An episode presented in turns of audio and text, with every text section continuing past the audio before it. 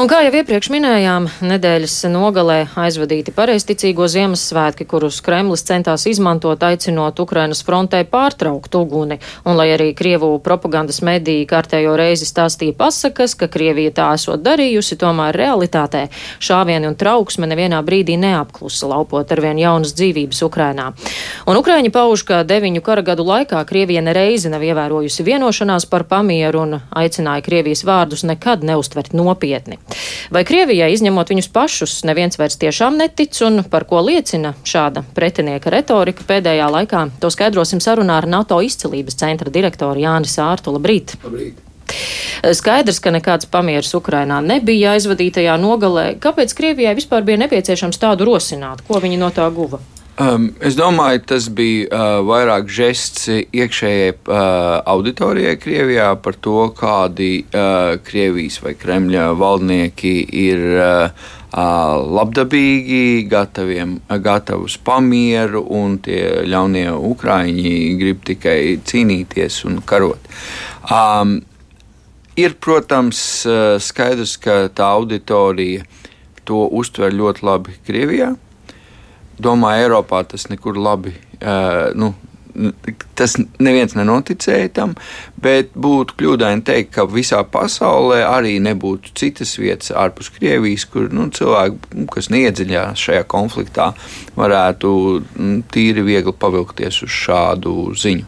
Tā tad varētu teikt, ka ne visā pasaulē bija skaidrs, kādēļ tāds pamieris nav iespējams. Uh, jā, jo mums jāsaprot, ka ārpus Eiropas, Ziemeļamerikas ir diezgan plaša pasaule, kurā tā attieksme pret šo karu nav tik skaidra un viennozīmīga kā nu, lielākoties Eiropā, arī Eiropā ne visur, bet tā saucamajos globālajos dienvidos tā, tā attieksme varētu būt daudz mīkstāka noteikti tur ir valsts un uh, cilvēku grupas, kas uh, ieklausās Krievijas uh, vēstījumos. Jā, jūs minējāt, ka pašā Krievijā šo žestu uztver nu, tā labi. Tas nozīmē, ka vēl gadu pēc kara sākuma vēl joprojām arī Krievijā ir gan liela tā uzticība un ticība visam tam, ko stāsta Krievija. Jā, šis ir viens no tiem stāstiem, kuriem mums vēl ilgi būs jāmēģina sap saprast, kā tas varēja notikt. Ka neskatoties uz to skaudro realitāti, neskatoties uz to, ka ir sākusies, sācies jau pirmais mobilizācijas vilnis un droši vien sekos nākamie, ka Krievijas cilvēki tā pasīvi savā ziņā, bet joprojām nu, tic tam lielākoties ko, ko vēsta vara. Uh, un uh, tie, kas ir pret, ir pietiekami uh, lielā mazākumā, lai to kopējo dinamiku Krievijā vismaz šobrīd nemainītu. Un, un tas droši vien ir, tā, kā jau es teicu, ņemot vērā, cik orveliskus apmērus šī propaganda Krievijā ir ieņēmusi, tas, ir, tas tiešām būs liels izpētes objekts. Tie vēstījumi, kas nāk no Kremļa šobrīd, par ko tie liecina, viņi ir tā kā apņēmības pilni savus mērķus sasniegt, turpināt kā līdz šim, vai arī jau varbūt kādā brīdī atzīst kaut kādas savas kļūdas un to, ka viņiem nemaz neiet tik labi. Nu, kļūdu atzīšanu es neesmu dzirdējis. Uh, Manuprāt, viņi principā runā par to, ka viņiem ir neizbēgami jāuzvar šajā konfliktā, bet nu, praktiski spriežot, mēs redzam, viņi labprāt atrastu veidu, kā piefiksēt esošo situāciju, nu, tātad iegūtu tās teritorijas, kas iegūstams, un samazināt kā minimums temperatūru tajā militārajā konfliktā. Es domāju, ir iespēja atvērt jaunu lapspusi kādā izdevīgākā mirklī pēc vairākiem gadiem.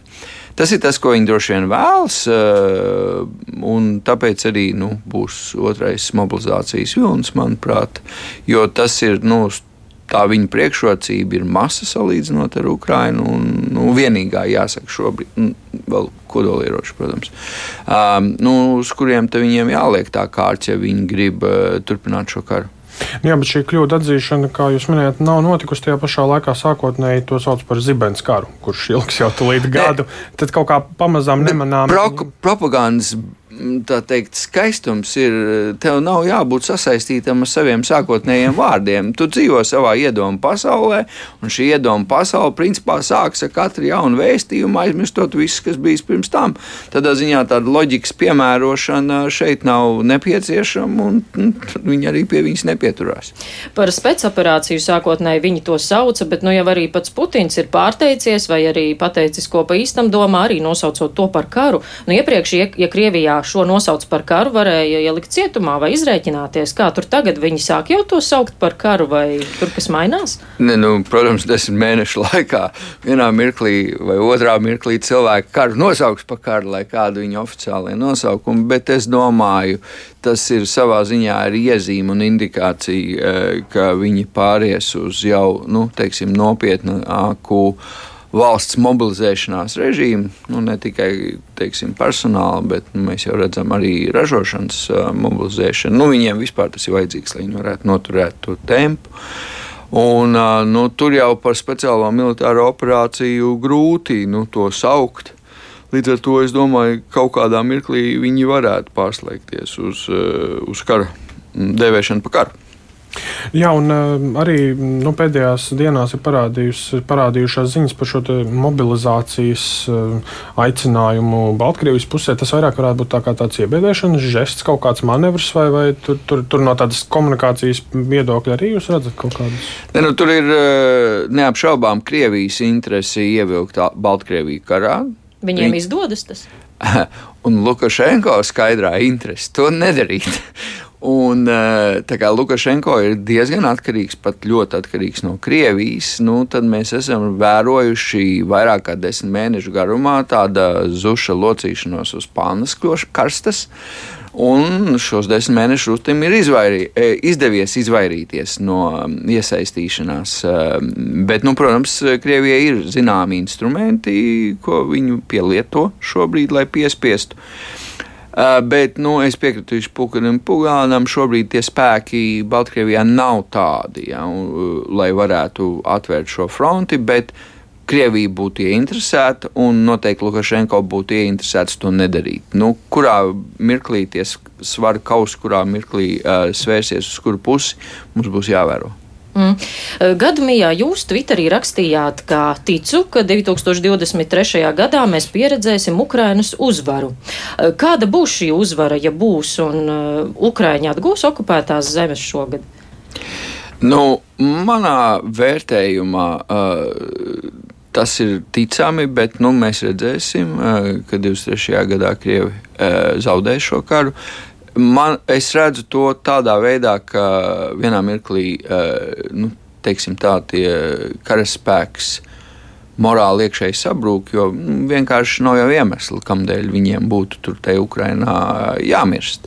Uh, bet tas var sekot nevis tā vienkārši, bet tikai pēc vairākām nu, nopietnām Ukraiņas uzvarām. Un tad, attiecīgi, uh, nu, tā iekš, iekšējais sabrukums. Bet kopumā es redzu, ka Krievijas iekšējie procesi ar šādu nepārtrauktu likmju celšanu, iekšēji mobilizāciju, teiksim, visu tā ekonomikas mobilizāciju un citas lietas, nu, ved arī pie satricinājumiem Krievijas iekšēnē, nu, ko mēs. Nu, es domāju, jau sāksim redzēt šajā gadā, nu, vai tas izpaudīsies pilnā apjomā šogad. Nu, to, to varbūt nē, bet, bet nu, jā, tas ir iesācis arī process Krievijā, manuprāt. Jā, sniega bumba veļas arī tur, un viss tas mums notiek tepat netālu, bet, nu, Krievijas viens no mērķiem vienmēr ir bijis arī rietumus sašķelt, šo zemi nosaldēt. Viņiem izdodas vai neizdodas? Nē, nu, tur bija nesen eh, Twitterī, varbūt redzējāt skaistas meteoroloģiskas bildes ar piebildi, ka Dievs ir rietumu pusē, jo augstuma līnija ļoti eleganti, principā tā ekstrēmā augstuma līnija gāja gar Krievijas robežām vismaz vienu brīdi, bet, nu, nopietni skatoties, protams, ka nē, Krievija ir zaudējusi rietumus kā savu nopietnu tirzniecības partneri naftai un gāzei, un it īpaši attiecībā uz gāzi, tā viņiem ir problēma. Uh, un uh, nu, tās cenas, par kādām viņš šobrīd spēj pārdot šos produktus, kas ļoti būtiski viņa ekonomikai, ir ļoti pazeminātas. Tā kā mēs redzam, ka šis, nu, ja mēs sakām, ka mūsu rietumu sankcijas nav līdz galam bijušas efektīvas, nu, tad viņu pretgājiens ir bijis vēl mazāk efektīvs. Ar to arī beigsim šo sarunu. Mūsu studijā bija NATO izcilības centra direktors Jānis Sārts.